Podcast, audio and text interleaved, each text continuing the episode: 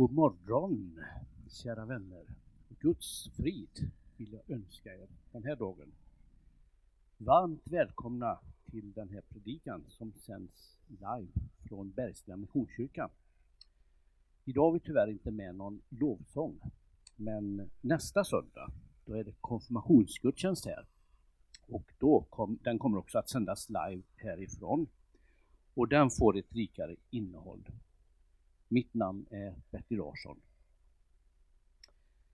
Jag har lyssnat till vad Sara Spencer talat om att ta in och att be ut Guds ord vid några till, olika tillfällen under sommaren.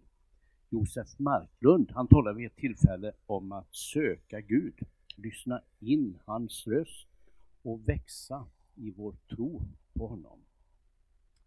Och denna predikan får bli lite av en fortsättning på det temat. Och eh, det, mitt tema för gudstjänsten är Lev i ordet, lev ut ordet. Vi lever ju i en speciell tid nu. Eh, vi blir prövade och luttrade, men som Romarbrevet 12 säger att låt dig inte besegras av det onda, utan besegra det onda med det goda. Ni vet bilden av en brasa med en mängd vedträd som ligger där och brinner så fint tillsammans. Men skingrar man de här vedträden åt så dör de snart. Så låt oss hålla oss brinnande. Låt oss aktivt söka kristen gemenskap. Låt oss läsa Guds ord och ta tid för bön. Och ring gärna upp någon idag som du tror kanske behöver en uppmuntran just ifrån dig. Ett ordspråk säger så här, det är bättre att lära någon att fiska än att ge bort fisk. Och det är ju en viktig princip i många sammanhang och även i den kristna församlingen. Hur kan vi igen bli läsare? Hoppas den här tiden har hjälpt oss att ta till oss Guds ord, äta av det och mer än att bli matade. Hur blir ordet då levande för oss? Ja, det är många av oss som funderar på det. Vi vill att det ska ge någonting till vår inre människa. Vi kan ju läsa Bibeln på olika sätt, som en historiebok som den ju är, som instruktionsbok för våra liv, men framförallt är det Guds kärleksbrev till oss. Och ni vet när man får ett sånt där brev på posten från någon som man verkligen tycker om, då läser man det med intresse och verkligen försöker förstå det. Så läs med förväntan. Be om Guds ledning när vi läser ordet. Läs med öppet sinne. Försök att förstå och tillämpa, lev ut ordet. Ett eh, favorit, några favoritversar ifrån Guds ord, eh, ifrån när Paulus talar till sin andlige son Timoteus. Ifrån andra Timoteusbrevet kapitel 3. Du däremot, håll fast vid det du har lärt dig och blivit övertygad om. Du vet av vilka du har lärt det och du känner från barndomen de heliga skrifterna som kan göra dig vis så att du blir frälst genom tron på Kristus Jesus.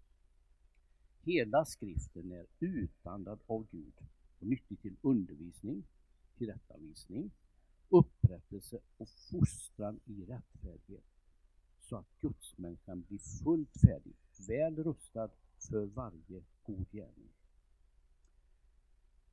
Men ibland så kan vi behöva ändå lite, lite hjälp och det finns en, man nu kan kalla det lite metod som kan vara till hjälp, som vi kallar för ljuset. Och jag la faktiskt upp den, en liten bild på det med texter som vår gode vän Elisabeth Jonsson har eh, skrivit ut så fint. Den ligger på församlingens Facebook-sida ljuset och då använder vi varje bokstav i ordet ljuset. L. Finns något löfte i texten vi läser? J. Vad kan vi lära om Jesus eller Gud i texten? U. Vilka uppmaningar finner vi? S. Vad sägs om synd och dess konsekvenser? E Finns det något bra exempel eller person att försöka likna, ett föredöme för oss? Och sen sista bokstaven i ordet ljuset är T. Vilken praktisk tillämpning har den här texten i mitt liv den närmsta tiden? Jeremia 15 säger så här att och Jeremia uttrycker så här, dina ord kom och jag åt dem. Ditt ord blev mitt hjärtas fröjd och glädje. Och det tror jag det kan verkligen bli när vi läser Guds ord och försöker tränga in i det och försöker få det att mata vår inre människa, vår andliga människa. Men det är ju inte bara att ta in. Jag tror det blir allt viktigare att vi var och en kan ta åt oss av ordet och ge det vidare också. Vi har olika gåvor och det skiljer sig åt hur du och jag uttrycker det här. En del uttrycker mer med, med ord medan andra uttrycker mer i praktisk handling. Vi kan göra den här jämförelsen som ni säkert känner till också. Eh, jag är inte den första som tar den jämförelsen mellan Galileiska sjön och Döda havet. De ligger inte så väldigt långt ifrån varandra. Den förra har ett inlopp och utlopp. Det finns en ström, en rörelse av vatten. Döda havet, som ju egentligen är en sjö, ligger cirka 420 meter under havsnivån. Och det är världens lägsta punkt. Den har ett inlopp, men den har inget utlopp. Det saknas alltså en genomströmning av vattnet där. Och det är ju väldigt varmt där också, så att avdunstningen blir väldigt stor. Salt och andra mineraler blir kvar och gör det till ett dött vatten. Det är så hög procenthalt som 33 procent i Döda havet. I våra liv så behöver vi det här, både det här inflödet från Guds ord och utflöde ifrån våra liv. Annars så blir det lätt stagnation och frustration. Utflöde sker ju på olika sätt och ett sätt kan vara mission. Och jag blev så inspirerad av några rapporter jag läst nyligen hur Gud verkar på olika platser i vår värld. Ett exempel är från Gå ut missions nyhetsbrev som jag vet många av er får pastor Sanang som några av oss träffade under vår missionsresa till Indien i februari. Han berättar i det här nyhetsbrevet att de får vara med och dela ut mat och förnödenheter, förnödenheter till människor som har behov av det. Men de får också många telefonsamtal och människor som ber om förbön och många mirakel som sker. En kvinna hon var svårt sjuk. Och så ringde en i familjen och sa att hon ligger här och hon är alldeles livlös, stel och kall. Och vi förstår vad det innebär. Hon hade avlidit. Men de ringde ändå och bad om förbön för henne. Salnang frågade om de trodde att Jesus kunde hjälpa henne. De svarade ja på den frågan. Han bad en enkel bön över telefon för kvinnan. Lite senare så ringer den här, den här familjen upp honom och sa att hon var uppe på benen igen. Hon hade alltså blivit uppväckt från de döda. Och hon berättade efteråt hur hon hade fått komma till himlen och mött änglar. Fick förklarat vad som händer i världen, syftet med att Jesus kom hit till jorden och, och dog för att dö för oss. Sen kom hon tillbaka till sin kropp och berättade om det här vad som hade hänt henne för alla i byn där hon bodde. Det var många som nu kom till tro där. Och det var alltså i en by väldigt nära den platsen där vi faktiskt var på. Men, hörde sig någon, kan man verkligen tro på en sån sak? Ja, jag vet inte hur du ser på det här. Eh, det kan vara en del som tycker att, att någon som kan bli frisk, okej, okay, men att någon verkligen blir levande igen från att ha, ha dött. Men jag tycker jag ser så många av Guds under varje dag. Och varje gång ett barn föds så är det för mig ett stort under. Eller hur? livet i sig, naturen.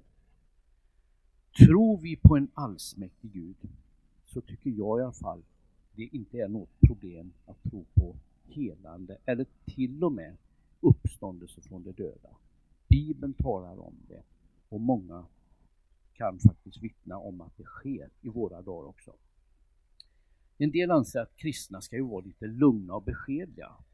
Men jag är övertygad om att vi kan, som, ungefär som Jesus, vi kan vara både, samtidigt både radikala och balanserade.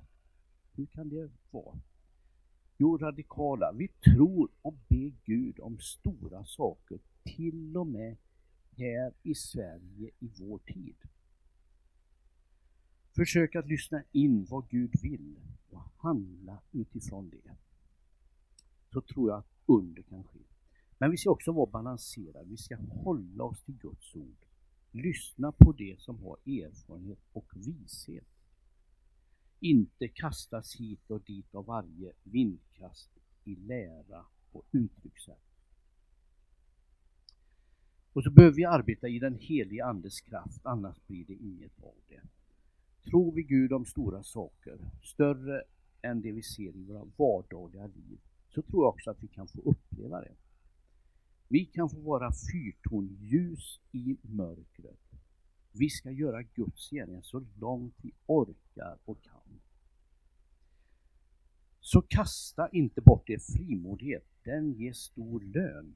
Ni behöver uthållighet för att göra Guds vilja och få vad han har lovat, står det i Hebreerbrevet 10. Fortsätt att be. Fortsätt att lyssna till Guds röst. Fortsätt att göra allt du kan för att göra, göra Guds vilja idag. Fortsätt att stödja allt gott arbete som görs i vårt land och i andra länder. Amen. Vi ber en avslutande bön. Och har du något bönämne så hör av dig till någon av oss så, så lovar vi ska be för dig. Men vi ber. Herre, vi tackar dig för att du gör det möjligt för oss att leva ett liv så rikt och så fullt av dina goda gåvor. Och herre, vet också för dem som inte har det så lätt, som har det svårt, så finns du också närvarande där. Vi ber för dem som är förföljda för sin tros skull.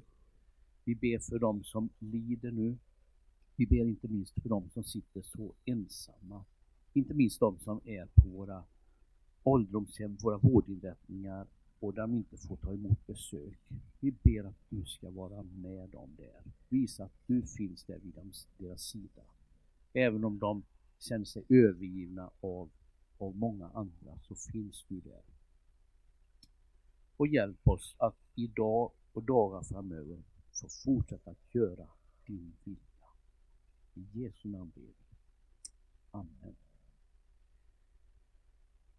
Så vill jag säga varmt välkomna till konfirmationsgudstjänst här nästa söndag klockan 10. För de som är speciellt inbjudna, familjerna här på plats och för alla oss andra via livesändning.